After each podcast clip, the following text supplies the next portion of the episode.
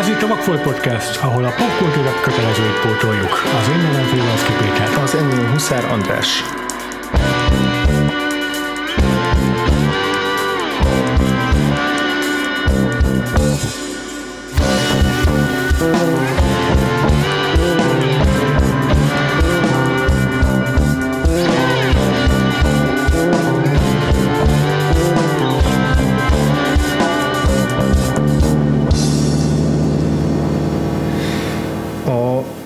Skandináv vígjáték trilógiánkban ö, haladunk tovább a, a második fejezettel. Idéző, idézőjelbe téve mind a skandinávot, mind a végjáték szót.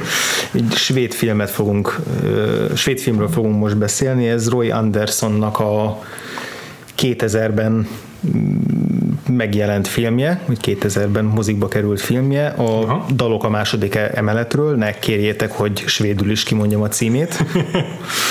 Igen, és ez egyben egy trilógiának az első darabja, uh-huh. amelyet 14 év alatt fejezett be Roy Anderson. Igen, tehát így nagyjából 7 évenként jött ki egy új darabbal. Igen, ha És jól ez pedig- akkor é- élet trilógia, nem tudom magyarul, hogy hívják, The Living, aha, most nem tudom aha. ilyen trilógiát. Ez, ez a jelző illeti, mert az emberi élet, életről, vagy az, élet, az emberi létezésről szól.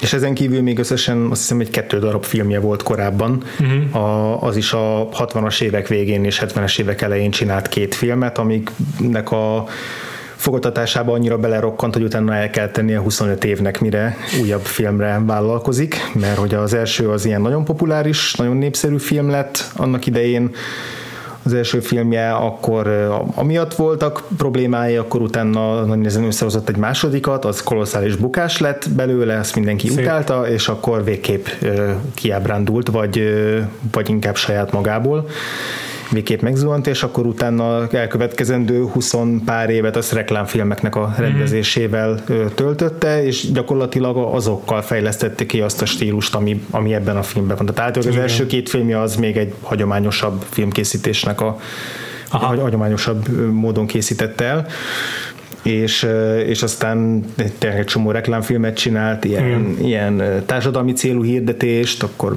az écről szóló kis filmet, amit az iskolákba akartak elvinni, ami ilyen ismeretterjesztő jellegű volt, és akkor így azokba tette bele egyrészt azokat az ilyen morbid, meg abszurd dolgokat, amik már erre a filmre is jellemzőek, meg ezt a képi stílust is azokban uh-huh. találta ki. Úgy fel akarom olvasni a a Wikipédia, a angol Wikipédia szócikknek a, No. a, a, a szinopszisát a filmre, mert hogy tök jó, hogy, a, hogy már a Wikipédia szócikk is így illeszkedett a filmnek a stílusához. Azt mondja, ezt, ezt, ezt, lehet, ezt lehet olvasni a Wikipédián. Áll egy férfi a metrókocsiban, arca csupa korom. Jobb kezében nejlonzacskó tele iratokkal, vagyis azok elszenedes, elszenesedett maradványaival. Egy férfi egy folyosón elkeseredetten csimpaszkodik a főnöke lábába, aki épp akkor rúgta ki. Azt kiabálja, 30 éve itt dolgozom. Valaki egy kávézóban az apjára vár, aki az imént gyújtotta fel a bútor, bútorüzletét a biztosítási összegért. Közlekedési dugók és önostorozó tőzsdeügynökök lepik el az utcákat, mi alatt egy közgazdász kristálygömbbe bámulva próbál kétségbe esetten megoldást találni a túlköltségessé váló munka problémájára. Minden férfi főszereplőnek van egy célja, úti céljuk azonban változik a történet során.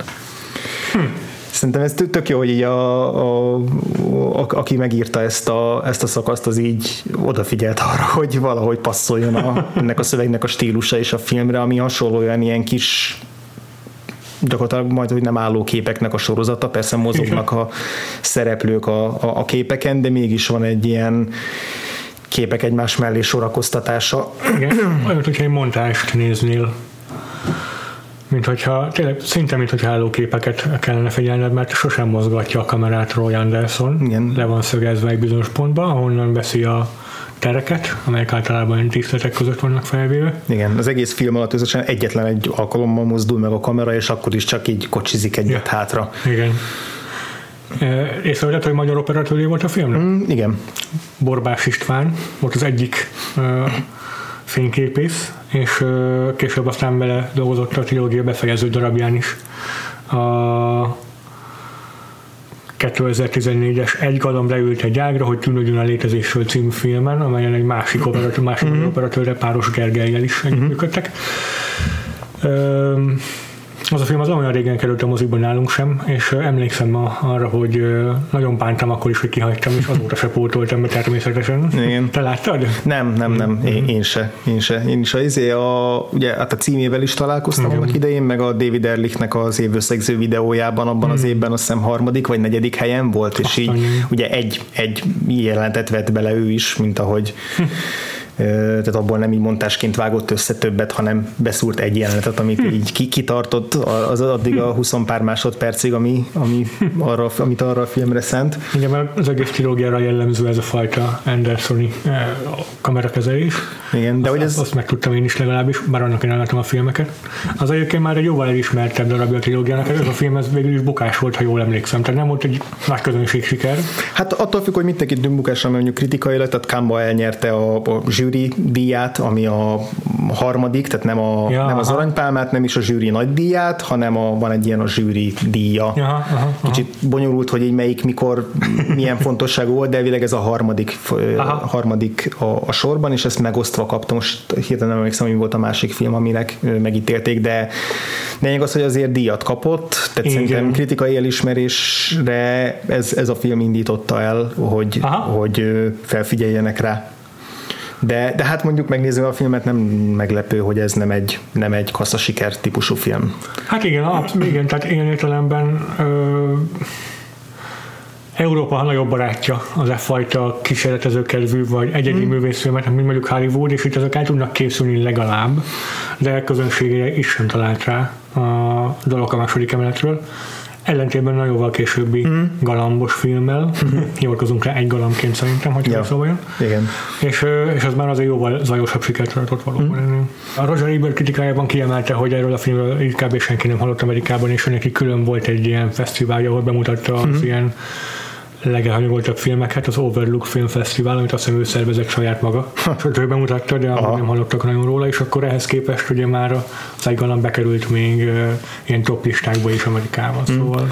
Hát igen, hazájában viszont már ekkorra már azért elég ismert volt a reklámfilmjei miatt mm-hmm. is, tehát konkrétan a, a, az Ingmar Bergman, ugye honfitársa azt mondta, mm-hmm. hogy a minden idők legjobb reklámkészítője. Tehát, hogy így abszolút meg is néztük pár reklámját, és tényleg ugyanaz, mint ez a film, csak nem olyan hosszúságú. Tehát ha kiemelnék egy epizódot a filmből, az lehetne egy reklám. Igen. Igen, igen, igen.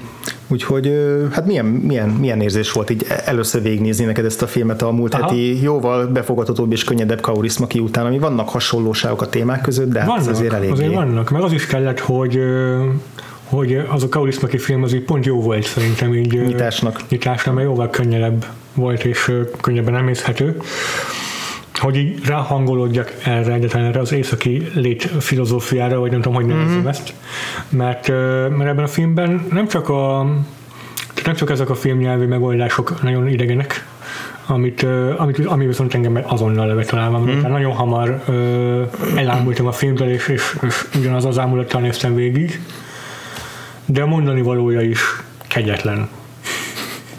Tehát az azért a témák, amiket feszeget, azok mm, jóval mm, kevésbé optimisták, mint Paulis Matinál.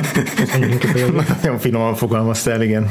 És, és azt még, azt, még, azt még nem tudom, az amihez kezdjek. De mindenképp egy olyan filmről van szó, ami fölött szerintem mindenkinek saját magának kell döntés hoznia, hogyha megnézem, mert az nem lehet nem lehet sem objektívan, sem ö, sem általánosítva el, eldönteni, hogy ez egy olyan filme, ami ö, értékelhető. Ez, ez annyira egyedi, egy, egyén függő ennek a, ennek a uh-huh. filmnek a, a befogadó, befogadó az, hogy olyan fogadja be egy egyén, hogy, hogy, hogy nem, nem lehet megmondani, kinek mennyire fog tetszeni. Ja, abszolút. Ö, a, ugye a három szín kapcsán beszéltünk arról, hogy mennyire intellektuálisan viszonyulunk inkább a fil, ez, a, azokhoz a filmekhez, mennyire vonódunk be, mennyire kívülről tekintünk rá. Mm. Itt ennél a filmnél abszolút csak egy ilyen külső ámulat volt, vagy voltak olyan pillanatok, amik különböző érzéseket megragadtak benned? Végig egy külső ámulat volt számomra, Aha. igazság szerint. Volt egy-két olyan pillanat, ami ami egy, átcsapott egyfajta horrorba, hmm. mármint hogy az érzéseimben. Hmm. De, de akkor is inkább le voltam nyűgözve a Roy Andersonnak a rendezői választásaitól, hogy ez egy milyen, milyen bizarr film. Hmm. Tehát van egy olyan jelenet, amelyben, amelyben feláldoznak egy gyermeket. És, és az ilyenekről egyébként sem riad, riad, riad vissza Roy Anderson az ilyen képi horrortól. Tehát láttunk tőle olyan reklámot együtt, amelyben egy teherautóba bezárva gázos, gázosítanak el mm-hmm. embereket, és minden ok nélkül nem tudjuk, miről szól igazából a reklám. Bocsánat, az a kisfilmnek egy részlete volt is. Csak a nyitóanyát néztük meg, mert tudtuk, hogy ez egy ilyen nagyon ö, sokkoló jelenet, és tényleg az volt. És ott is vágás nélkül folyamatosan kellett végignéznünk ezt a tragédiát, és ö, hasonló módszerekkel sokkol végig itt is Roy Anderson. Uh-huh meg a sokkolás nem, nem mindig feltétlenül ilyen, ilyen fajta kegyetlenségekben jelentkezik, hanem csak egyszerűen a, a, az ötletek bizarsága, mm-hmm. váratlansága okozhatja a sokkot. Na de elég ennyit rólam. Neked sikerült jobban átélned a filmet, mint nekem? Valószínűleg igen, voltak, tehát nagyon érdekesen ilyen visszacsapások vannak, akár egy-egy jeleneten belül is, hogy voltak, voltak olyan pillanatok, ahol hangosan felröhögtem, mm. és így rögtön utána elkezdtem gondolkozni, hogy most tulajdonképpen miért is röhögtem fel ezen, és aztán pedig mélységesen elkeseredtem és lehangolódtam. Ugyanattól, amin az Igen. egyáltalán vagy pár másodperccel korábban felnevettem, például pont ami a, a Wikipédiás szinopszisban benne van, az a viszonylag korai jelenet, amikor bemegy a, az irodista a főnökéhez, hogy nem, nem, nem maradhat otthon betegen egy napot sem, és utána rögtön a következő jelenetben úgy találkozunk vele, hogy így tényleg így belekapaszkodik a főnöke lábába, és ott zokog, hogy, hogy ne rúgja ki, és ugyanazt a mondatot ismételget, hogy 30 éve itt dolgozik, és ahogy így elindul a főnök a hosszú folyosón, miközben oldalt a egyen ajtók mögül kukucskálnak ki a kollégák, és így elkezdi húzni maga, maga után ezt a szerencsétlen fickót, akkor mondom, ezt felröhögtem, mert hogy, mert hogy egy ilyen rettenetesen tragikomikus, abszurd. abszurd pillanat, de, de közben meg, közben meg mélységesen lehangoló és, és elkeserítő, és így volt erre valahol a neten futottam bele egy nagyon jó ö, hasonlatban, ami szerintem tök jól összefoglalja ezt a végig ezt a kettősséget, hogy full mély depresszió, de közben meg mégis valahol tudsz rajta nevetni, valaki ezt írta, hogy ez olyan, hogy olyan, mintha egy fekete lyuk stand-up előadást akarna tartani. az abszurditását, nekem, nekem az abszurditásáról legtöbbször a Monty Python jutott eszembe, csak az a különbség, hogy náluk a sketchek mindig annyira elvontak voltak, és a valóságtól elugaszkodottak, hogy, hogy nem jelentkezett ilyenfajta, uh-huh. ilyenfajta ö, mélység, vagy ilyenfajta mm, tragédia bennük. Uh-huh. És itt ez a fajta humor kapcsolódik ezzel a kilátástalan realizmussal. Ja, igen, ami sokkal meg, megnehezíti a, a, a nevetést. Mm-hmm. Igen. De ugyanakkor abszolút, abszolút megvan benne. Igen, de tényleg az, amikor a, a, a, az egyik ilyen üzlet, vagy nem tudom mi ez pont talán igen, azt hiszem üzletnek a kirakatából látjuk, hogy az, belülről látjuk, hogy a kirakaton túl az, az utcán végigvonul egy nem tudom, egy csomó ö, dolgozó, uh-huh. azt mhm. hiszem, hogy ö, közgazdászok talán. Hát körülbelül igen. És hát ilyen flagellások, akik magukat uh-huh. korbácsolva vonulnak még az utcán. Az is ugyanazt jutott eszembe, hogy hát milyen Monty Pythonos az egész jelenet, de közben valójában ez egyáltalán nem vicces sem. Igen, tehát itt az az, az abszurd minőségének a sokkal inkább a, ezt a kilátástalanság részét ragadja meg, és azt, hogy, hogy ezt a nihilizmust, hogy semminek semmi értelme, hogy keressük a létnek az értelmét, tehát én abszolút ez egy egzisztencialista film, többször kérdezgetik a szereplők, hogy hogy hol vannak éppen, mit csináljanak, mi értelme van bárminek, gyakorlatilag ezek a kérdésfeltevések, és nem nagyon, kap sem, nem nagyon kapunk semmilyen pozitív előjelű választ erre hanem csak így, így szépen mennek a maguk kis életébe, nem adják fel, nem lesznek öngyilkosok, de, de, de úgy, úgy mennek előre, és közben az az előre az igazából egy egy helyben való rugózás. Tehát olyan az egész film, mint hogyha mindenki megrekedt volna ebben az ilyen falanszter-szerű világban. Igen, igen. kicsit olyan, tényleg, mint sokszor nekem is eszembe a disztópia szó ezzel a filmmel kapcsolatban, pedig amúgy a valóságos Stockholmban játszódik. Igen, tehát hogy ez az a fajta disztópia, ami, ami tökéletesen realisztikus és, mm. és hétköznapi és átlagos, és nincs benne semmilyen elnyomó rendszer, nincs benne diktatúra, nincs benne ö, nincsenek benne tankok, meg fegyveresek, hanem tényleg ez a, ez a teljesen ilyen kiszerű létnek a reménytelensége. Igen, az, hogy mennyire jelentéktelen vagy az életben, vagy hogy is mondjam meg. Igen, az, amit kiemeltél a az elbocsátott dolgozóval kapcsolatban is a repetíció az valóban uh-huh. nem, nem, nem csak nála tér vissza, hanem rengeteg szereplő ismételgeti a saját mantráit, szintén ezt erősíti, vagy húzza alá, hogy megrekedtek abban a igen. egyetlen pillanatban, ami, amiben a film játszódik. Igen, és ezek a mondatok, ezek sokszor picit más, hogy mm. más értelmet nyernek attól függ, hogy ki mondja ki őket, vagy milyen szituációban, de attól még mindig ugyanazok a, ugyanazokat a köröket futják ezek a szerencsétlen emberek.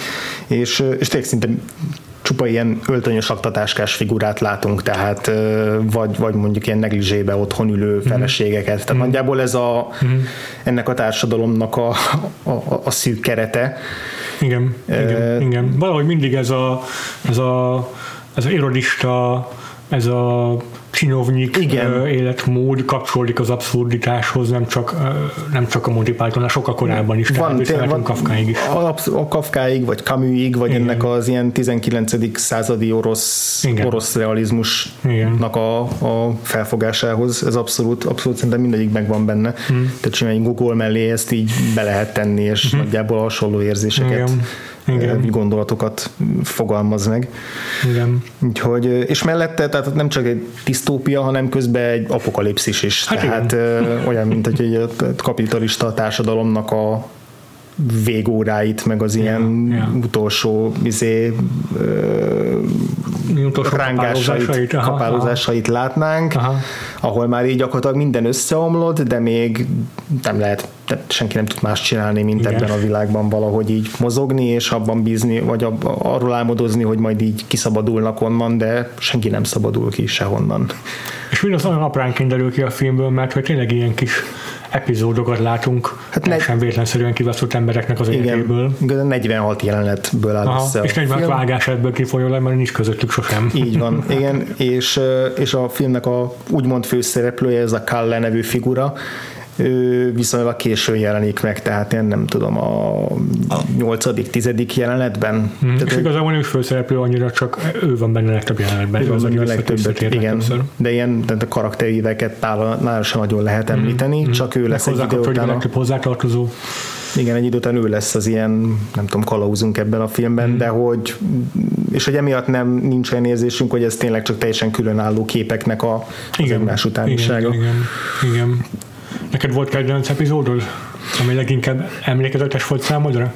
Hát ugye kedvencet nehéz mondani, vagy ha kedvencet mondunk, akkor azért mégis csak a humoros ö, jeleneteket tudnám így említeni a minden, minden más azt, azt tényleg csak a lenyűgöző rendezői teljesítmény, meg a, az, ezek miatt mm. kerülne szóval. Nekem a, a kedvenc ilyen visszatérő gegem, ami nem a főszához kapcsolódott, az a kettéfűrészelt embernek a kálváriája, ami ez egy csodálatos jelenetsor, akit előbb, akivel először akkor találkozunk, amikor a, az ilyen szociál bűvész, a nem tudom, pártnak a rendezvényén kér egy önkéntes, tehát körülbelül úgy néz ki a jelenet, mm-hmm.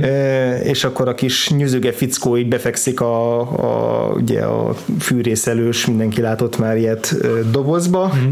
és nyilván ki lehet, akkorra már lehet tudni, hogy mi lesz itt a jelenetnek a csattanója, de, de az csodálatos, hogy utána miután egy belefűrészel egy picit a, a a bűvész, akit később ilyen teljesen összetörten látunk többször is, kis fűrészével. De az a jó, hogy még többször visszatérünk családi kör, körben ehhez a, ehhez a szerencsétlen élet fickóhoz, akinek onnantól kezdve bármi történik, az ágyban megmozdul mellette a felesége, vagy le kell ülnie, rögtön elkezd ilyen nagyon, nagyon szánalmas módon nyögdítse, szörögni, hogy onnantól kezdve egész életét úgy fogja leírni, hogy minden mozdulata fájni fog, és, és tehát ez is olyan, hogy egyszerre iszonyú vicces, és közben, közben meg nagyon nyomasztó.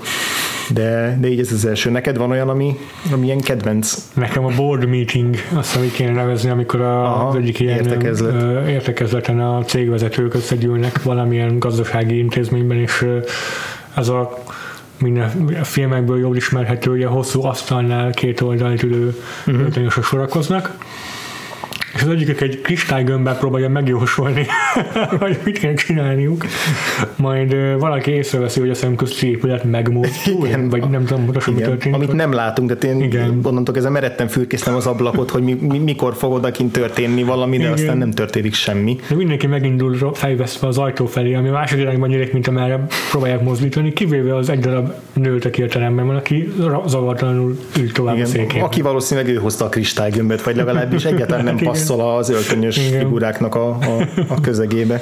Annak és az abszurditása persze meg a humora az, ami miatt megragad bennem, mert ez egy viszonylag nagy szabású jelent a filmnek a, a, a mértékéhez képest, és sok szereplővel, nagyon hosszú ideig tartó jelentről van Igen, szó. igen, igen, igen. Igazából nekem olyanok voltak ezek a tablóképek egyrészt, mint hogyha Wes Anderson éppen egy borzasztóan mély depresszióba esett volna, és emiatt még, még ahhoz sincs ereje, hogy megmozdítsa a kamerát a szokásos Aha. ilyen kocsizós vagy, vagy svenkelős jeleneteibe, hanem egyszerűen csak így kiteszi, és aztán csináltok, amit akartok, neki az egész semmi, semmi kedve, mert az élet szar. Ö, Csak ugye ez a nagy különbség, hogy a, a Wes Andersonnak a, a filmjéről... csak egy darab esketű van. Bocsánat. Igen, ez a legnagyobb különbség, nem is mondom a többit. Szóval, hogy a- amikor az ő filmét nézem, akkor azt érzem, hogy ez egy abszolút kilapított világ, amiben az ő szereplői mozognak, egy ilyen teljesen sík diorámákat alkalmaz. Az elméletek teljesen egyet. Vannak, amikor tehát ilyen függőleges, meg oldalirányú mozgás, az rengeteg van benne. Igen, csak hogy a terem, tereknek mindig van egy perspektívája.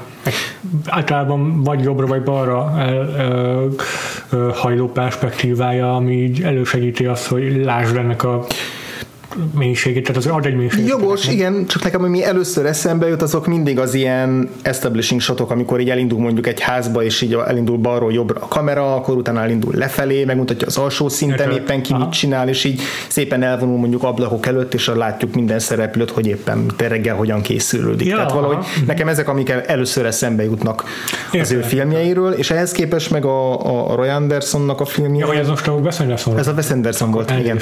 Ja, jó. Semmit nem mondta, akkor teljesen jogos, hogy mondasz. Igen, és így ez eszembe, akkor, akkor viszont egyetértek azzal, amit mondtál, a, hogy a Roy Anderson pedig ez az elkép, hihetetlen képmélység, ami Igen. minden film, minden ö, ilyen kis vinyettájánál Aha. ö, megvan, amit, amit megvalósít a, az ilyen teleobjekt, na, Nagy látószögű? azaz köszönöm nagy látószögű lencsékkel, meg kamerákkal, tehát hogy ilyen Hmm. végtelenbe futó képeket látunk, a, akár, a, akár külsőket, ahol az utca nyúlik el, Igen. mint amikor a, egy ilyen izé, patkányokkal teli szeméthalom mellett beszélget két ember, akkor is mögötte Igen. elképesztően távolba vész a, az utca, vagy akár ebben a boardroom jelenetben, ami egy véges térben játszódik, és mégis az az érzésed a perspektíva miatt, hogy így, így a messzeségbe fut.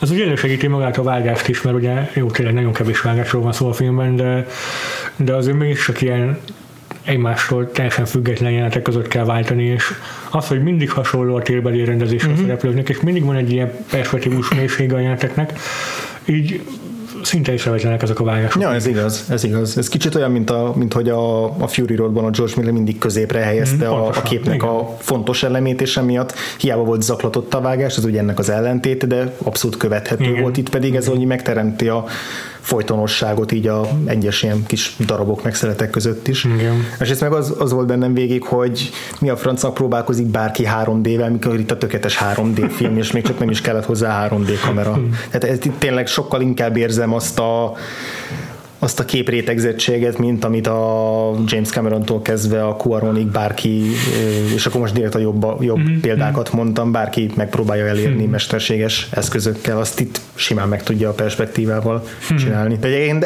elképesztő, hogy tényleg semmi, semmilyen más filmet nem tudok mondani, ami így néz ki, mint egy Roy Anderson film. Az biztos, teljesen, teljesen egyedi. Én sem semmi hasonlót.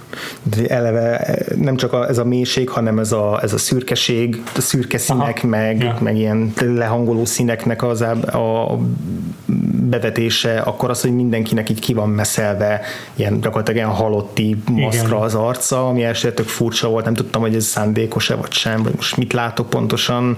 És a túlvilágítottság is nagyon fontos jellemzője, hogy így sehol egy árnyékot nem lát, sehol egy sötét sarkot nem uh-huh. lát hogy minden ilyen nagyon szögletesre van megcsinálva, a fényeket is Igen, beleértve, igen, hogy ilyen, igen. ilyen ettől egyszerre hiperrealisztikus, meg ilyen nagyon mesterséges is az összes Ezért jutott eszembe szerintem sokszor a disztópia, mert azokhoz mindig ilyen geometrikus formákat társít, meg így beton tömbök, meg- Pontosabban igen, pont, hogy ilyen szögleteseket, igen.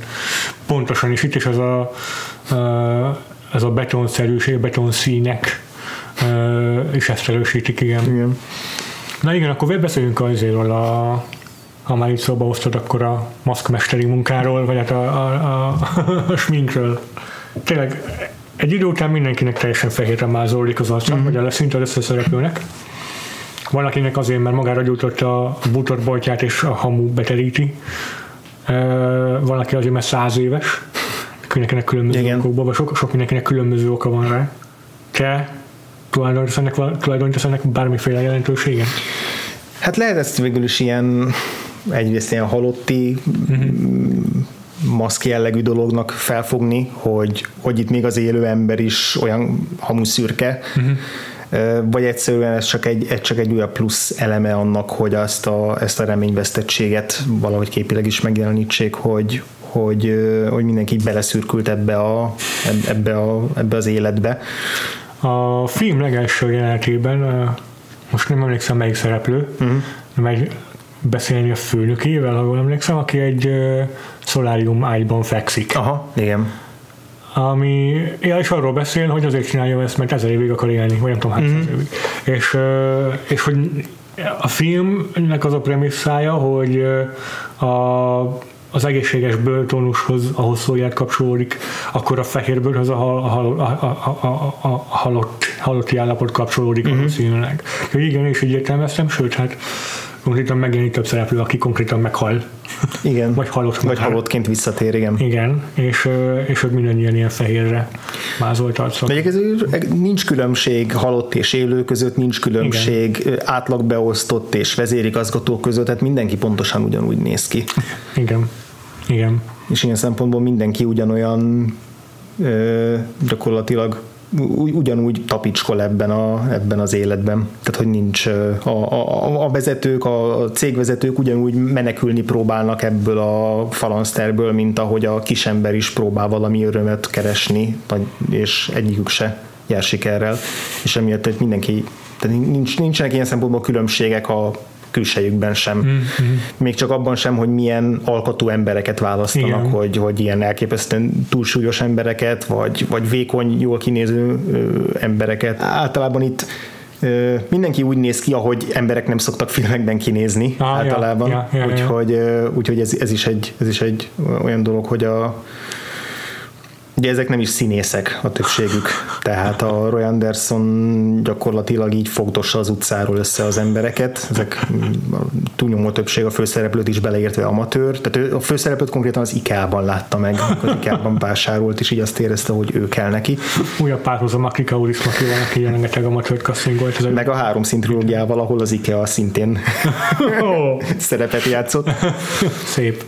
És, és az Andersonnak van is egy ilyen asszisztens, akinek az a dolga, hogy így az utcán írjon össze embereket, fotózzon embereket, és van valamilyen brutál vastag katalógusuk, és gyakorlatilag így válogatnak színészeket a jeleneteikhez, hogy kitalálják a, az, hogy miről szóljon a jelenet, felcsapják, és akkor addig lapozgatják, amíg talál egy olyan arcot, aki így valahogy jónak tűnik abban a jelenetben, és akkor fölhívják, hogy éppen ráére. Egyébként de erről szerintem érdemes egy picit beszélnünk, Aha. hogy, hogy hogyan rendezte meg ezt a filmet, meg hogyan rendez a Roy Anderson, Aha. mert, mert az, is, az is hihetetlen. Tehát, hogy így nem azért készül el ez a film is négy éven keresztül, mert hogy így lógatta a lábát, hanem tehát én teljesen nyakatekert a, a módszer, nem tudom ennek mennyire Nem, most nem. hogy ilyen, ugye nem úgy dolgozik, hogy megcsinálják a storyboardokat, meg megírják a forgatókönyvet, és akkor ahhoz megépítik a díszleteket, meg ilyesmi, hanem először leszúrják a kamerát valahova, akkor az ő fejében már létezik, hogy ez a kamera körülbelül mire nézzen, de, de ahhoz a fejében lévő szituációhoz és a kamera pozíciójához kezdik el kitalálni, hogy hogy nézzen ki az a, az a tér, amit berendeznek. Mm. És akkor elszakítják, hogy mi, hogy nézzen ki a díszlet, akkor hol álljanak a szereplők, azt a jelenetet hogyan valósítsák meg, és gyakorlatilag a kamera köré építik fel hetek akár hónapok alatt az adott jeleneteket műtermekben, tehát a Roy Andersonnak van egy ilyen több emeletes épület, ahol a földszintet a két ilyen kurva nagy műterem tölti be, és gyakorlatilag szinte minden egyes jelenet műtermes. Tehát a Aha, külső igen. jelenetek is minden, minden hmm. műtermes. Nyilván van egy-egy kivétel, hmm. de ilyen vannak, vannak ilyen videók, érdemes megnézni a pár jelenetről, amit, hogy hogyan ilyen timelapse videóval, hogy, ö, hogy ö, hogyan rendezték be, és így brutális az, hogy tényleg mindent egy teljesen üres izé, stúdióba. Ö, az utcáktól kezdve a, a utcákon álló dugókig, meg a, az épületekig mindent mindent így nulláról fölépítenek, akkor azokba elhelyezik a színészeket, tehát ez a, az operatőr is, a magyar operatőrről is volt egy interjú, ahol mondta, hogy így azért nem vállalta a trilógia középső darabját, mert így kurvára elfáradt a daloknak a forgatása alatt, és így nem bírta volna még egyszer Aha. ezt így letolni Aha. rögtön. Mert tényleg éveken keresztül tart a próba folyamat, a tervezés, az összerakás. Maga egy-egy jelenetnek a leforgatás az mondjuk egy nap, de ami előtte van, az meg ilyen tehát így Hihetetlen. nonsense. Hát így szerintem ezért nincs még egy ilyen képi világú film, senki, senki nem hajlandó ennyi energiát, meg ennyi ilyen sziszifuszi szeszölést belerakni a, Igen. ahhoz, hogy ezek létrejöjjenek, és cserébe meg tényleg olyan precíziós pontossággal van mindenki találva ezekben a, ezekben a kis tablóképekben, tehát így ehhez, ehhez tényleg semmi rögtönzés nem társulhat, hanem mindent ötvenszer elpróbálni, fölvenni addig, amíg mindenki pontosan úgy nem viselkedik, és oda nem lép, és azt nem csinálja. Szóval ez, Aha. Pokol lehet ezt így végigcsinálni, szerintem. A, mondjuk a technikusoknak egy, Ja, a, egy Roy Anderson filmen, meg a színészeknek is valószínűleg, de, de mondjuk a végeredmény megéri. És most már 74, 74 éves Roy Anderson, és ez a három film a, a lényegében ezt teszi ki a filmográfiáját. Javarészt, igen. Igen. És most már mondta, hogy most már azért volt 7 év a filmek között, mert befejezte egyik filmet, akkor három évig pihennie kellett, és utána futott neki a következőnek, de hogy most a, a, a galamb után most valahogy így nagyon elmében van, és már elkezdte az új filmét, úgyhogy majd azt tervezi, hogy négy év múlva már kijön. 80 évesen már ő is évente fogja csinálni, mint Terence Malick a filmeket. Szóval hihetetlen, hogy milyen munka van egy-egy ilyen tablókép mögött, és még így is nekem néha felfoghatatlan, hogy hogyan, hogyan csinált meg egy-egy jelenetet. Tehát nem tudom, hogy neked van-e ilyen megalomán vagy monumentális jelenet, ami így, ami Hát ilyen a gyereknek kivégzése volt Aha. a leglátványosabb ilyen tekintetben. De Igen. neked volt még más, ami feltűnt. Igen, nekem is az az egyik, főleg, hogy milyen iszonyatosan nagy tömeg, Igen. tö- tö- tömeg van mögötte. Igen.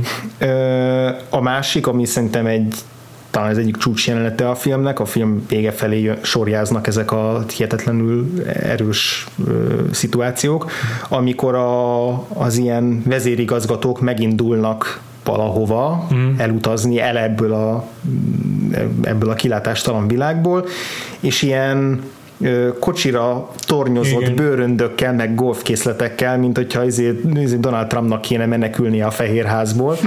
Így, így, így föltornyoznák az összes holmiukat, minden vagyontárgyukat, és elindulnak. Gyakorlatilag a kép jobb oldaláról elindulnak a kép bal oldalán teljesen passzívan várakozó ilyen utaskísérőkre, akik várják, hogy becsakoljanak a nem tudom hova vezető útra, és így hosszabb jelenetben szenvednek, így nyomják, tolják, húzzák előre a, a, a, a kocsiaikat, minden leborul, kezdhetik előről, és így azt érzed, hogy soha a büdös ebben nem fognak megérkezni. Egyikük se fog megérkezni a 10 méterre lévő izé, becsekkoló Aha. kapuhoz, Aha. és mindezt ugyanígy a teljesen a távolba a végtelenbe vesző térben, iszonyatosan sokan egymás mögött ö, haladnak előre, és volt az Évi Clubban egy cikk, ami konkrétan erről az egy jelenetről szólt, és így azt írta a, a szerzője, hogy így megnézett egy dokumentumfilmet erről a jelenetről, meg, meg, meg utána olvasott, meg tízszer újra nézte, és még mindig nem érti, hogy ezt hogy csinálták meg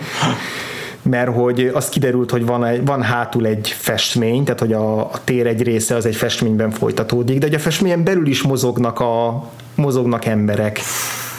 És hogy elvileg a Roy Anderson nem nagyon használ számítógépes digitális technikát. Lehet, hogy itt, itt éppen beletett valamit, de hogy más jelenetekben is ilyen papírmasé figurákat mozgat a tömegjelenetekben, Aha. meg ilyen amit bárki más CGI-ról oldalra meg azt, azt ő nem így, mégis hogy így felfoghatatlan, hogy ezt jelentet is hogy tudja úgy megcsinálni, hogy tényleg úgy tűnik, mintha ez, ez a több tucatnyi ember ott haladna elő. Szóval nekem ez volt az ilyen, mm-hmm. az ilyen nagy jelenet. Hát a, a, még leszámítva a mat, matfestményes részét is, az a jelenet tényleg az mozdulatlan kamerájával képes olyan grandiozitás, meg akkor a teret megmutatni, amit mások uh, kotizással nem tudnak. Igen. Na ez, ezért zseniális szerintem ez a film, és ezért nem unalmas, Aha, mert bármit is mondunk érzelmi bevonódásról, vagy annak hiányáról, az, hogy unalmas lenne, egy pillanatig sem mondanám, meg az sem, hogy lassú Igen, igazából. Mert hogy a statikus kamera ellenére annyira dinamikusak ezek a jelenetek azáltal, mm. hogy egy idő után elkezdett figyelni, hogy tudod, hogy lesz valami csattanó, hogy valami az előtérben is történik valami, meg a háttérben is történik valami, aminek nem is biztos, hogy köze van egymáshoz. Egy idő után bejön valami új elem majd a képbe, és így elkezdett találgatni, hogy vajon mi lesz majd ennek a jelenetnek mm. a, a, a története, úgymond. Mm. És és ettől borzasztó izgalmas az, hogy amit már említettél korábban, hogy a, az előtérben beszélgetnek két biztosítási ügynök, meg a főszereplő a leégett ö, üzleten belül, és egyszer csak elkezdesz valami hangzavart hallani a, a igen, valahonnan, a háttérben, és akkor egyszer csak így elindul ez az önostorozó tömeg így a, így a hátuk mögött, vagy ö, vagy még csak nem is kell mozgásnak lennie, csak hogyha egy dugó van kint a háttérben, és mondjuk a bár, bárból elind, eh, kimegy, kimegy egy nő egy bárból, beül a kocsiába, ott ül mozdulatlanul perceken keresztül, majd egy idő után föláll, és újra bejön, és újra kimegy. Tehát, hogy egy csomó ilyen geg, meg poén hmm. ö, van a jelenetekben, amitől, amitől tényleg történnek a képben dolgok. Igen, igen, igen, igen. Itt ebben a, ebben a, ebben a képi világban, ebben a fajta ö, ábrázolásmódban egyszerűen muszáj minden egyes rezdülésére a szereplőknek figyelni, mert mivel semmi más nem történik. Mm-hmm. És hogy ezért jó, hogy ilyen viszonylag hosszan vannak kitartva, mert ezért változó, hogy melyik mennyire mm-hmm. hosszú a képek közül, de hogy ez kell ahhoz, hogy így elkezd így nézelődni, meg elkezd így feltérképezni a, a, a jelenetnek a, az összes apró momentumát, hogy aztán ütni tudjon, amikor mm. történik valami, nem számít. Az ilyen szempontból mondjuk az utolsó jelenet, a záró jelenet volt még ilyen hihetetlenül erős, és ott azt éreztem, hogy bassza meg ezt poziba kéne látni. Tehát, hogy itt tévén nézve is, is hatásos, de hogy ahogy elképzelem, hogy mondjuk egy ilyen kurva nagy vásznon ugyanez a térélmény, mm. ez hogyan tud Aha. megvalósulni, az szerintem még, még, még brutálisabb lehet. Mert ott az utolsó jelenetben van egy olyan pillanat, amikor egyszer csak megelevenedik az addig teljesen síknak vélt tér, és hirtelen egy csomó ember jelenik meg a térbe, és így a semmiből, és nem érted, igen, hogy ez, igen. Ez, ezt megint csak hogy valósult meg. És... nem figyelsz oda, és így hogy lepődtek meg. igen. igen, tehát hogy tele van ilyen, ilyen váratlan hmm. fordulatokkal, annak ellenére, hogy közben meg történni igazából nem történnek igen. nagyobb dolgok ez a film annyira kortalan, hogy akár 1960-ban is készülhetett hmm. volna, ahogy kinéz. Igen. Az esztétikája. Eleve nem egy széles vásznú film, uh-huh. nem különösebben széles vásznú film. És tényleg ma szinte már monokróm. Semmi, semmi nem köti a jelenhez. Hát, tehát, semmi nem köti a két, 2000 évhez. Vagy Igen, nem úgy néz ki, mint amit egy ezredfordulós filmről Igen. gondolsz elsőre. Igen. Ez egy abszolút attól különálló. Igen, attól annyira furcsa, viszont a hátránya meg az, hogy állítólag, ugye nem láttam a, uh-huh. sem a, a az egy galambot, sem, sem a, a te Igen hogy egyben nézve őket nehéz is lenne megkülönböztetni őket kissé. Mm, hogy aki egyet látott, az már mindent látta kvázi. Csak abból az értelemben biztos, hogy így nem tudnád megkülönböztetni, melyik epizód, melyik filmben is volt, uh-huh. ahol így összemosódhat. Szóval azért kell idő valószínűleg feldolgozni, nem csak, nem csak Roy Andersonnak, de a nézőnek is a filmjét. Ja, igen. És egyébként témájában is kortalan, uh-huh. meg abban a kérdéskörben, amit így, amit így boncolgat. Egyrészt azért, mert elsősorban ezek ilyen absztrakt, egzisztencialista, lételméleti kérdések, amik bármikor feltehetők. De még ez a konkrét ilyen ö, fogyasztói társadalom kritika is, ami de az ezred fordulónál azért elég sok film született, ami erre az Y2K-s félelmekre, meg szorongásokra játszott rá, tehát ott teljesen érthető, hogy miért pont akkor borult be ez a Roy Andersonnál, hogy így mindjárt vége a világnak. Igen. De hogy hogyha a nagy gazda, most a legutóbbi gazdasági világválság idején mutatták volna be, arra is teljesen passzolna. Most, hogy ma néztük meg, vagy most néztük meg, most is igazából teljesen érvényes az összes Mm, állítása, meg az összes pessimizmus a, a Igen. világra, meg az emberiségre értve, tehát most már valószínűleg nem lesz olyan kor, meg olyan év, amikor ez ne lenne abszolút aktuális. Ez olyan Roy Andersonosan hangzott. Igen. Úgyhogy szerintem beszéltünk is egy kicsit ezekről a témákról, hogyha most Jó, a hogyne. képi részét kiveséztük, meg kielemeztük, hogy, hogy konkrétan miket, mikről beszél ez a film, hogy mi az, ami neked így a, a témájából benragadt, meg amire, amire ami neked így jelentett sokat, vagy jelentett valamit azok közül a kérdések közül. Tehát mi az, ami neked személyesen, amit benned személyesen megmozgatott? Nekem leginkább a, az, ami kevésbé volt személyes aspektusa a filmnek, Aha. Magyarul ez a, ez a gazdasági vagy közgazdasági vonatkozása a filmnek, uh-huh. amelyben teljesen abszurd módon próbálják ugye megoldani a megoldani valamit. Valamilyen, gazdasági igen, nem lehet pontosan tudni, Ah. mi, mi okozta ezt a krízis, de valami miatt már minden össze van dőlve. Igen, igen. És ez azért is kattant be nálam, mert jó, talán a tavalyi toplistás epizódunkból hallgatók már rájöhettek, hogy, hogy kat- kattanásom kicsit az ilyen típusú filmek. Big Sickre a- gondolsz? Nem a Big hanem a, a nem Big Sick volt a címe, hanem Ö, Big Short, igen, mind, mindig keverem most már két, mindkettők olyan Nekem is a szar, Big szar hülye címe van, igen. és azon gondolkodtam, hogy nem a, a Big Short, Igen. igen.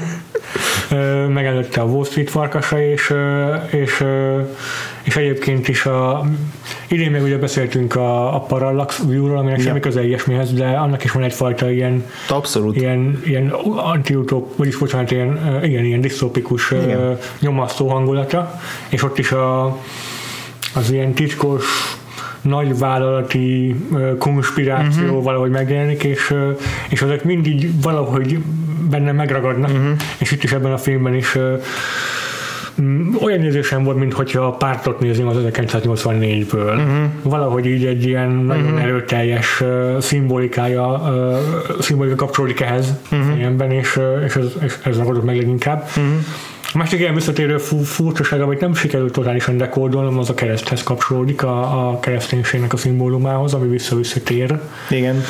Hát azt szerintem egy, én, úgy gondolom, hogy ez olyan, ugyanolyan általános kritikája volt a, a, A a vallásnak, uh-huh. meg, a, meg az egyházaknak, Az egyházaknak a- mint ahogy a, a gazdasági társaságoknak, meg vállalatoknak is, a, meg a kapitalizmusnak is a kritikája, hogy, hogy lám most már a, a hit is ugyanúgy pénzé tehető, azt is ugyanúgy Ja. ilyen expon árusítják, ilyen ócska izé, ö, feszületek Igen. ken keresztül, amik aztán a végén egy szemétdombon kötnek ki, és itt a, mondja, az, az, az egy tök jó az én mondat, amikor azt mondja az az árus, aki teljesen dohog azon, hogy, hogy bebukott, becsődölt az egész üzlete, hogy kár volt rá tennie a, nem tudom, a pénzét, meg az életet egy lúzerre. és hogy, és hogy közben is, ugye menet közben feltűnnek ilyen egyházi ö, rangok, meg elő, előkelőségek, akik, akik csak a, a gyülekezetüknek a lelki üdvével nem foglalkoznak minden mással, igen, tehát hiába sírdogálott nekik a főszereplő a templomba, hogy mindene oda van, a papos csak saját magával foglalkozik, Ja. és lesajnálja, akkor később az általa többször emlegetett ö, ilyen rituális feláldozás jelenetként, amikor a, úgymond az ifjúságot beáldozzák, hát ha azzal mm. nyernek még pár évet, ott is ugye baloldalt végig ott állnak a, a különböző felekezeteknek a vezetői, akik aztán miután nem történik semmi utána, ugyanúgy a kocsmában részegre isszák magukat, mint bárki más, tehát ez azért egy eléggé lehangoló képet fest így az egyházakról. meg a, a, az- expón az egyik meghibásodott feszületen így imbolygó Jézus figura és egy ilyen baromi erős vizuális gag. Ez egész jelenetben végig lényegében így imbolyog a fél, fél kezére, kezével oda szegezett szobor. Igen, és olvastam olyan kritikákat, vagy elemzéseket, akik, és a legtöbben azt írták, hogy a végére a főszereplő is ilyen krisztusi figura lesz, amit én nem annyira látok uh-huh. igazán a filmben, mert hogy azzal indokolják, hogy a, a halottak kvázi lesz az ő apostolai, vagy nyája, vagy, vagy követői, ami Aha. elég sok logikai ugrást kéne megtennem ahhoz, hogy, hogy tényleg ilyen megváltóként tekintsek a, a főszereplőre, nekem nem igazán, mm. nem igazán mm. áll össze, ez inkább egy ilyen meg nem nevezett bűntudat szerintem annak mm. a képviselői, ezek a halottak, akik így visszatérnek és fontosan reklamálnak ilyen a túlvilágról az őket ért atrocitások miatt. Az egyik az még a, még a második világháború idején ö, esett áldozatul a náci terrornak, igen, tehát hogy ez inkább nekem nem a, a vallási vonatkozást, hanem inkább egy ilyen történelmi ö, vetülete a, a, a filmnek. Nem tudom, hogy te ezeket a kísérleteket hogyan értelmezted? Mm, én csak egyszerűen azt gondoltam, hogy a filmben szintén végig vonul a halálnak a, uh-huh. a tematikája, és nem csak ez a apokalipszis, meg nem csak a, a gazdaság, hanem maga a, a személyes vonatkozása, a személyes megélése a halálnak is egy iszonyat erős motivum és nálam annak a kicsúcsos, kicsúcsosodása volt ez a, az ajánlat leginkább, hogy, hogy először csak ilyen egyes személyeken, uh-huh. viszont a távolságtartóan ismerkedünk meg a, a halálnak az élményével. Uh-huh. Ott van ez a száz éves tábornok, aki ennek a születésnapján, hát egy ilyen nagyjából mozgásképtelen már, és igen. talán még pelenka is van rajta. Igen, igen, igen, meg ágytálozzák. Igen, igen, igen. És, és, és innen fejlődünk odáig, hogy, hogy szinte átveszik az uralmat a filmben, ahol voltak. Igen, az is egy milyen gag, hogy a, hogy a, amikor köré gyűlnek, hogy a, az ünnepel tábornoknak, tábornokot dicsőítsék, és akkor e, így a, a fanfár az így előhozza belőle a régi emlékeket, és egy náci lendítéssel fogadja a kínosan feszengő Igen. katonákat, és, és ez az se véletlen, hogy egy olyan, mint egy bölcsőbe rakták volna, aminek ilyen körbe van rácsozva, mm-hmm. hogy így mm-hmm. pontosan ugyanolyan börtönben van, mint bárki más, csak neki még... Akiket ő zárt be annak igen, igen, igen, igen. igen. Még egyértelműbbek a rácsok így körülötte. Yeah. Egyébként ezek a, a, a halottakról még a izés eszembe mm-hmm. jutott, persze az önnél sokkal uh, zsáner uh, specifikusabb a, a, az It Follows, ugye a valami követ, a, a, aminek szintén az a központi motivuma, hogy a halottak ilyen, vagy nem is halottak, hanem a, a rém, fogalmazzunk úgy, az, az ilyen nagyon lassan, de nagyon határozottan közlekedő embereken testesül meg, akik így a kép hátsó részéből egyszer csak elindulnak fel, és nem fognak soha megállni, de nem futnak, nem, nem csoszognak, hanem csak szép egyenletesen mennek, és ez, ez válik iszonyatosan horrorisztikussá és félelmetessé. És valahogy bennem itt is ez volt, hogy onnantól kezdve, hogy először megjelentek azon a pályaudvaron a, a, a halottak, uh-huh a, a izének a főszereplőnek a régi ismerőse, meg az a felakasztott gyerek, és onnantól kezdve akárhova ment, egy idő után így láttad a kép sarkából, vagy a kép hátuljából, hogy így közelednek, és onnantól kezdve ez egy folyamatos hmm. ilyen borzongás volt számomra legalábbis, hmm. ami a, szintén a vége jelenetben csúcsosodott hmm. ki, tehát hogy itt valahogy a, a fekete humorból, meg a szatírából egy inkább horrorba hajlott a végére. Ami nem tudom, hogy tényleg a film is váltott hangnemet menet közben, vagy egyszerűen csak így kulminálódott, hogy egy idő után. Biztos, hogy valamennyire szándékos volt ez. Vehetjük úgy is, hogy ez az apokalipszisnak a megtörténés, Aha. eljövetele. Aha. És, és akkor ebben is passzol az egyházi tematikába bizonyos értelemben. Igen, az egész ennek az egész városnak, Stockholmnak, ami ebben a filmben van egy ilyen purgatórium igen. hatása, vagy igen. jellege, hogy így itt megrekedtek. A holtak. Igen, igen, igen, és itt mindenki megrekedt, és senki nem tud tovább lépni, és itt egymást gyötrik gyakorlatilag. Hmm. Igen. És így nem tudom, az egyetlen olyan figura, aki bármi mást képvisel, mint, mint, a, mint a körülötte lévő világ, az még egy katatón szereplő, az a, a, a főhősnek az idősebbik fia, uh-huh. akiről elhangzik az a mondat, hogy túl sok, túl sok verset írt és emiatt bekattant, Igen. és ez az ismétlődő mondat vele kapcsolatban és, és hogy ő, ő, ő az egyetlen, aki ilyen szenzitívebb figurának tűnik, aki érzékenyebb, aki, aki intellektuálisabb figura, mint a körülötte lévő ilyen vagy nyerészkedő, vagy egyszerűen csak ilyen tohonya alakok, mint ez az összes többi szereplő. és hogy így ez is mennyire, talán ez a leglehangolóbb az egész film, hogy itt volt egy valaki, aki, aki így a kultúra iránt érdeklődött meg, aki, aki valahogy más, hogy akart közelíteni a világhoz, mint, ezek az irodista emberek, és, és egyszerűen bekattant attól, hogy nem tudom, hogy, hogy hogy a költészet az így felnyitotta a szemét valamire, vagy Igen. a, a létértelmetlenségére, még jobban, mint a főszereplőket, akik ezzel csak érzik, hogy így szabadulni kéne, de nincsenek igazán tudatában, és olyan, mintha az ő fia meg, megértette volna, hogy belenézett volna az ürességbe, és ugye az üresség visszanézett rá, és akkor így ettől teljesen, Igen. teljesen összeomlott. Szóval, hogy tényleg semmiben semmi remény nincsen számunkra és és hogyha bármi, bármivel akarsz próbálkozni, ami nem a, nem a taposómolom, akkor az elmegyógyintézetbe fogsz kikötni.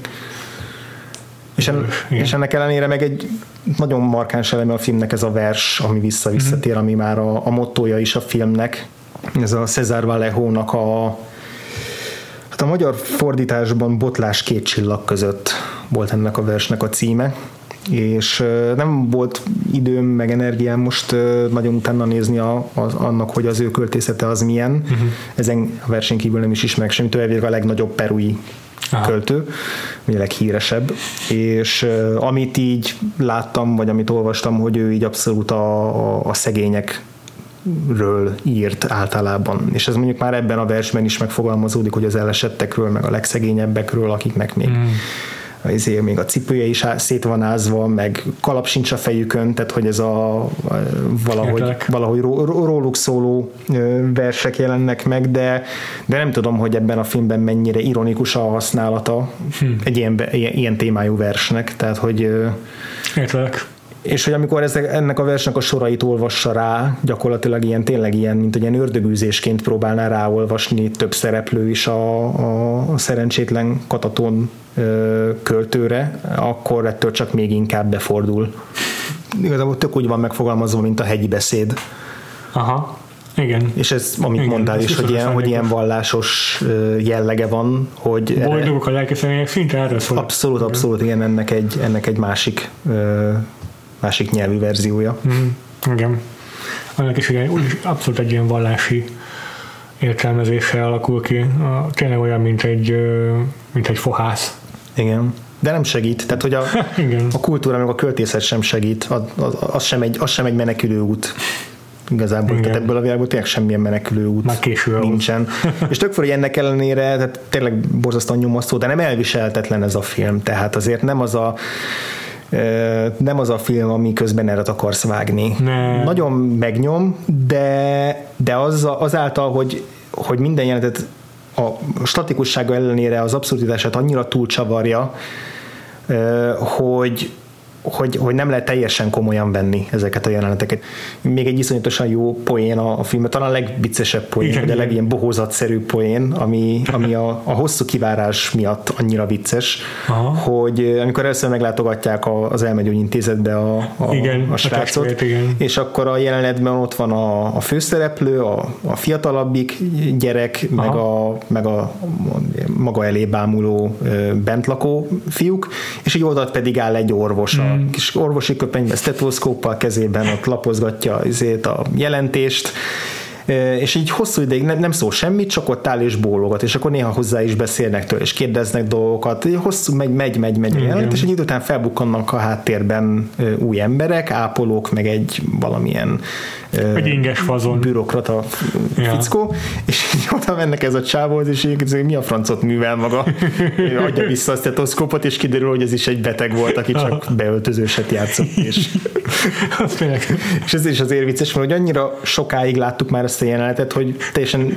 ö, egyértelműnek vettük, hogy az, amit látunk, az az, ami, mi, utána ez átíródott, és aztán annak a jelenetek meg az a vége csattanója, hogy a főszereplő annyira kiborul azon, hogy a fiát nem bírja magához tétezni, elkezd vele kiabálni, és így két ápoló így megfogja, és így elvisz. és aztán minden, egy, majdnem minden elmegy úgy intézes jelenetben ugyanezt történik.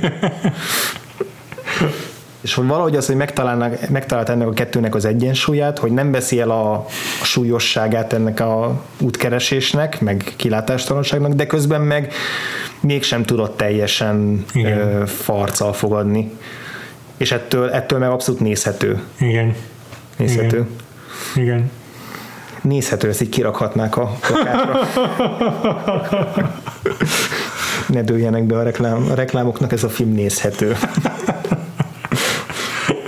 Úgy tényleg, az, az elején volt azért egy-két olyan tabló, ahol így tehát hogyha nem lenne ennyire jó a rendező, meg nem lenne ennyire izgalmas a látásmód, akkor vannak ilyen borzasztóan elviselhetetlenül modoros filmek, amik hasonló dolgokat próbálnak meg mm. ilyen, ilyen valószínűtlen sketchekkel, és, és ott rögtön a legelső jelenet a, ezzel a szaunás ágyjal, ott, ott egy, nem mondom, hogy megrettentem, mert azért számítottam rá, hogy ez jó film lesz, de hogy, de hogy láttam már olyan filmeket, amik hasonló igen, dolgokkal igen. próbálkoznak, és azok viszont nézhetetlenül rosszak, úgyhogy Értem. Úgyhogy ezzel csak azt arra akarok ráerősíteni, mint az adás elején mondta, hogy ezt mindenkinek magának kell. Hmm. Hogy mindenki maga fogja meglátni, hogy ez, ez mennyire. Mennyire nézhető. Igen.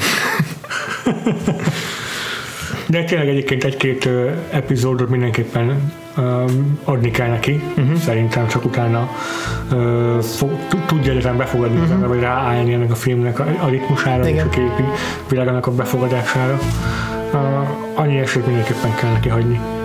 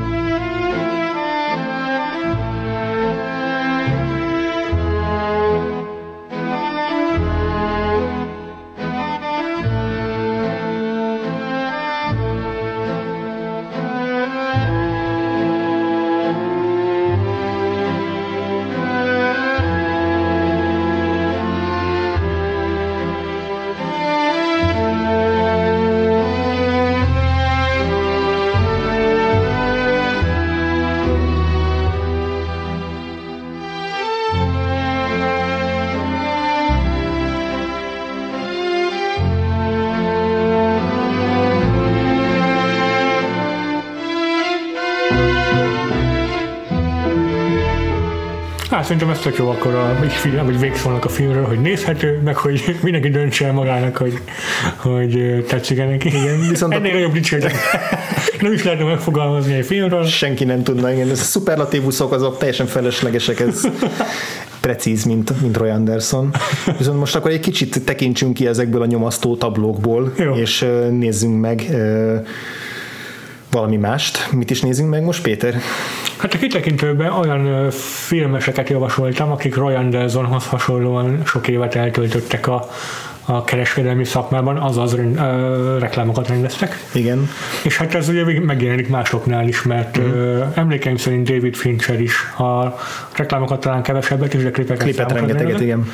És az első nagyobb filmje a Fight Club, az kapásból szintén egy ilyen kapitalizmus ellenes film. Már előtte a hetedik. Ez igaz, ez igaz. Michael Bay-nél meg pont ellenkezőleg, ő meg ö, a reklámok után termékelhelyezésekkel folytatni a, film, a filmes karrierjét. Mégis kamatoztatta azt a tudást, amit ott, amit ott alkalmazott. Igen. Az az is csak egy kicsit jobban, ez túlzás, hogy bújtatva, mert eléggé nagyon egyértelmű. Eléggé egyértelmű, igen. Csak akkor ez szerint nem Michael Bay lesz, ha te választottad, nem az ő reklámja. Nem. Csalódtam volna benned. Akkor hallgassuk András, hogy te kit választottál, ki az a rendező, aki a pályafutását reklámokkal kezdte és említésre méltónak tartod? Esetleg van-e konkrét olyan reklám, amit kiemelni? Van, ezt most nem gondoltam túl, ugye az első viszonylag friss ötlet volt, ami, mm-hmm. ami, ami, ami eszembe jutott, azt fogom felhasználni, ez pedig Spike Jonze, mm-hmm. aki szintén inkább videoklippes, mm-hmm. vagy legalábbis a videoklipjeiről vált híressé, ha. mielőtt játék, egész estés filmeket kezdett volna rendezni, de most volt tavaly, tavaly, azt hiszem tavaly, igen, tavaly nyár végén jött ki a Kenzo nevű parfüm Hmm, parfümnek csinált egy, egy reklámot a Margaret Qualley-val, aki ugye a Leftovers-nek az egyik főszereplője, meg éppen akkor a Nice Guys-ban Aha. játszott egy fontosabb szerepet, és így nagyon rímel a Christopher Walken-es Fatboy Slim videoklipre, amikor ugye a Christopher Walken végig táncol egy üres hotelben. Azt szintén ő rendezte, ugye? Azt, amit szintén ő rendezte, a Weapon of Choice-ot. Aha. Csak itt egy unatkozó fiatal lány az, aki kimegy egy, egy valamin díjkiosztószerű rendezvényről estéiben, uh-huh. és aztán kint megszólal ugye, egy ilyen vad zene, és arra elkezd, elkezd különböző dolgokat csinálni. És ez iszonyatosan jól van megcsinálva az egész szintén, kvázi olyan, mint egy videoklipet látnánk ez is inkább, mint a reklámot. És hát az egésznek az energiája az borzasztóan jó. Nekem is eszembe jutott egyébként ez a, ez a reklám, csak totál úgy emlékeztem, hogy ez egy videoklip volt, és azért nem...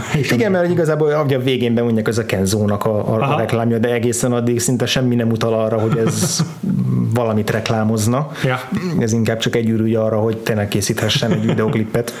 Hát igen, ez mégis ilyen félig meddig vírus videóként is működik azáltal, uh-huh. hogy tudjuk, hogy Spike Jones, meg ja, ja. Qualley, és azért van egy olyan production value is, hogy az emberek ezzel eljusson, mert egy jó, jó sikerült videóról Igen, szó. igen, de tök erős, hogy a Margaret Qualley-nak a tánc tudására alapoz, tehát egy nagyon-nagyon jól beválik ő is. Uh-huh. Nagyon jól az arcjátékával is rengeteget azt is felhasználja, akkor uh-huh. közben vannak ebben is ilyen snittek, ahol így el lehet játszani azzal, hogy ezt hogy a francba csinálta meg, amikor, uh-huh. amikor ilyen csupa tükör részen veszi szemből a kamera a tükör előtt, és is sehol nincs rajta az operatőr meg a stábból senki, és akkor persze digitálisan sok mindent ki lehet törölni, de vagy annyira bonyolultnak tűnik, hogy, hogy, hogy az ember észre se veszi, hogy itt, itt, itt valami, valami suskus van a dologban.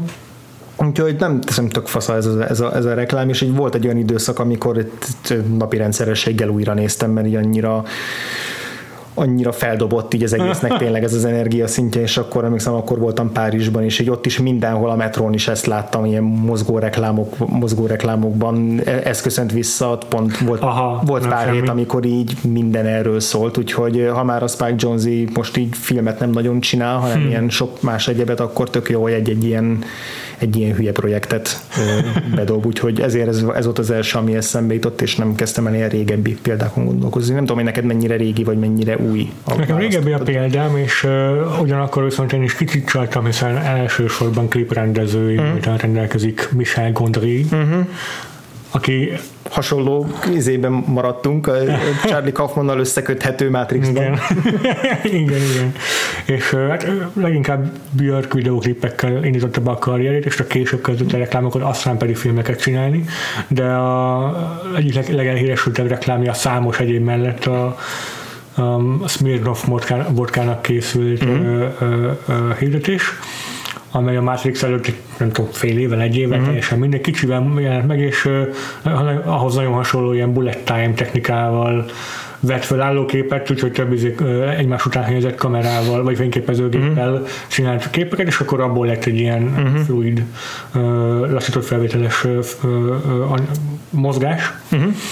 Mm, és, a, és visszaköszönöm egyébként a Gondjának egy csomó más eszköze, vagy ilyen motivum, amiket reklámokban gyakran használ, hogy a, a, a termék, amit, amit el akar adni, az egy kalandot ígér lényegében, mert hogy itt a Smirnoff modka az, ami, amit, az, ami minden jelenetben így megjelenik, uh-huh. egyes ilyen kis nagyon rövidke kis epizódban megjelenik, és akkor a különböző kalandokba kerülnek a szereplők a Smirnoff vodka által, nem tudom, uh-huh. az egyik jelenetben így a szereplő egy, szobában, egy szobában áll, ami fejeteteire áll, és ahogy kiesik belőle, egy vonatnak az alján találja mellett, és ahhoz arra kapaszkodik, és onnan mászik tovább, és így ilyen hasonló uh-huh. ilyen rejtett vágásokkal, meg ügyes megoldásokkal kerülnek a szereplők újabb helyszínekre, és egy ilyen elképesztően dinamikus, nagyon lendületes, meg, meg a szereplők mozgás mozgásából is, abból fakadóan is ilyen nagyon energikus reklámot kapunk. Hm.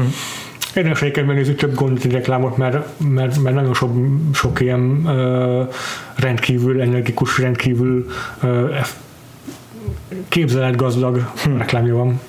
Na, ezeket természetesen be fogjuk linkelni a posztunkba. Aha. Hol, le, hol találják meg a hallgatók a posztunkat? Ez egy teljesen báratlan választ fogsz erre adni.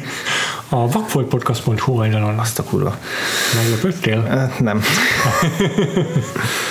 Ezen kívül a hallgatók megtalálnak bennünket a Facebookon is, ahol lájkoljatok bennünket, valamint iTunes-on gyarapítjátok az értékeléseinket. Egyébként egész sok van már, András. Tök jó. Szövegesből nincsen, de csillagokat kapjuk, az, az, az a lényeg. kapjuk.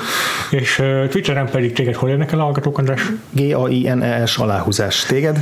Frivo, azaz F-R-E-E-V-O, és van egy közös Vagfolt Podcast userünk is a Twitteren, ahol lehetnek nekünk DM-eket írni. Mm, arról én mindig megfeledkezem, de szerencsére Péter azért rá szokott nézni. Így van.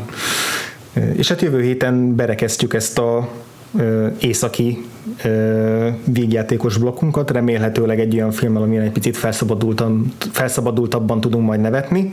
Ez egy Dán film lesz, és ugyanúgy 2000-es filmet választottunk, mint a dalok a második emeletről. Sőt, lényegében ez is tekinthető az első filmjének az alkotónak, leszámítva néhány rövid filmet, tehát hasonló ö, ilyen debütáló mű, mint a, a dalok a második emeletről volt. Ez pedig Anders Thomas Jensennek a Gangsterek fogadója című filmje lesz, úgyhogy jó kis Mads Mikkelsennel fogunk búcsúzni északtól. Addig is sziasztok! Sziasztok!